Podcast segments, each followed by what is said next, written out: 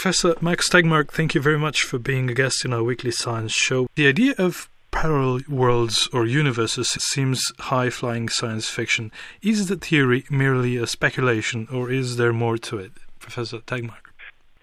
There is a, a lot more to it because some of the best theories we have, which explain things like um, how to build the electronics in our iPhone and how to put, cause the Big Bang in our early universe, predict not only uh, a lot of things that we can test and measure, but also things like parallel universes.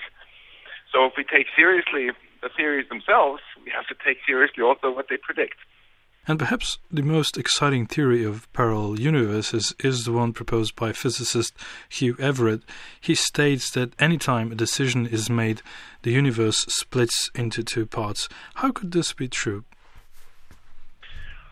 Well, the basic idea is that since the tiniest particles of nature, like electrons, can be in several places at once, according to uh, quantum mechanics, then, well, you and I are made out of electrons. So if our particles can be in several places at once, why can't we? If uh, I make a split deci- second decision to do something, like cross the street instead of wait until the light turns green, then that might be determined by just what ultimately a single atom in my brain is doing and some synapse which then triggers all kind of other neural activity and and then a little bit later that atom started out in two places at once. My whole body might be in two places at once either standing on the sidewalk or walking across a street where I might get hit by a car you know. And then then that's way these small differences get amplified. And before long you have the state of our entire planet and, and uh, doing two very different things at once. If parallel universes uh, do exist, does that mean that all possible scenarios exist simultaneously? Then there must also be a parallel universe where Hitler won the World War II, if we try to be illustrative here. Uh, yes, if this is true, then the ultimate reality is much bigger than we thought, and there are indeed other realities just as real as ours where crazy things like that took place.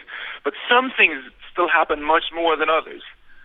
So even just like in my life, you know, I have good days and I have bad days, but fortunately I have a lot more good days and bad days.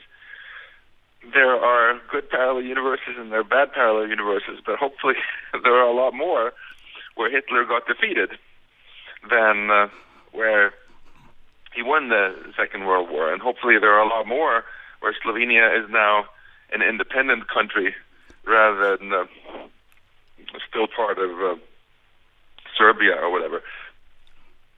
Yes. Well, I'm I'm in the right universe then.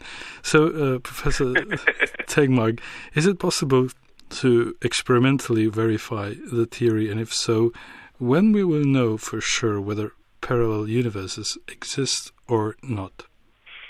In uh, science, we can never ever prove that a theory is correct. We can only prove that it's wrong if it failed one of its predictions. And uh, for this theory of Everett, the next prediction to test is the prediction that you should be able to build quantum computers, mm-hmm. which uh, allow us to calculate certain things vastly faster than on ordinary computers by roughly speaking, taking advantage of the parallel universes for parallel computation. And um, teams around the world are trying very hard to build such machines right now. Uh, the best ones right now are still tiny, and it can only process a very small number of bits. But uh, if this really succeeds, that, in my opinion, would really greatly increase our confidence that these parallel universes are real. Mm-hmm. And one last, yes, go ahead. Sorry. Yeah, and then there is also a, a, different kind of parallel universe which is getting a lot of attention, which is the, the kind predicted by the uh, theory of inflation, the best theory we have for what put the bang into our, the Big Bang of our universe. And it predicts that space itself is much larger than we can see, maybe even infinite, so that in distant parts of it, there could also be another version of Earth with versions of us having a conversation very similar to this. And this theory is going to face another test actually uh, in March or April of this year when the European Planck satellite comes out with spectacular new measurements from the cosmic microwave background. So what this shows is that these discussions, even if they sound very philosophical and speculative, are really scientific discussions because we have these experiments being built, being run, which will further test these ideas. Mm-hmm. And I guess there is a parallel universe where you're interviewing me right now on the parallel universes. One last question, Professor Tegmark. Uh, if parallel universes do exist, is it also possible that one might come across his or her twin from the parallel world? Probably not, by the very definition of, of parallel that we use. But uh, it's good to keep an open mind. Speaking of who we might come across, I, I should mention that the, the Planck satellite that I told you about, one of the leading scientists involved with this is a, a friend of mine from Slovenia, Uroš Seljak. So uh-huh. you might want to put him on your interview list as well for next month. Definitely. We have spoken to him before, and uh, thanks for mentioning him. It was a pleasure talking to you uh, this time, and I hope there'll be another time as well. Thank you so much. Thank you. Bye bye.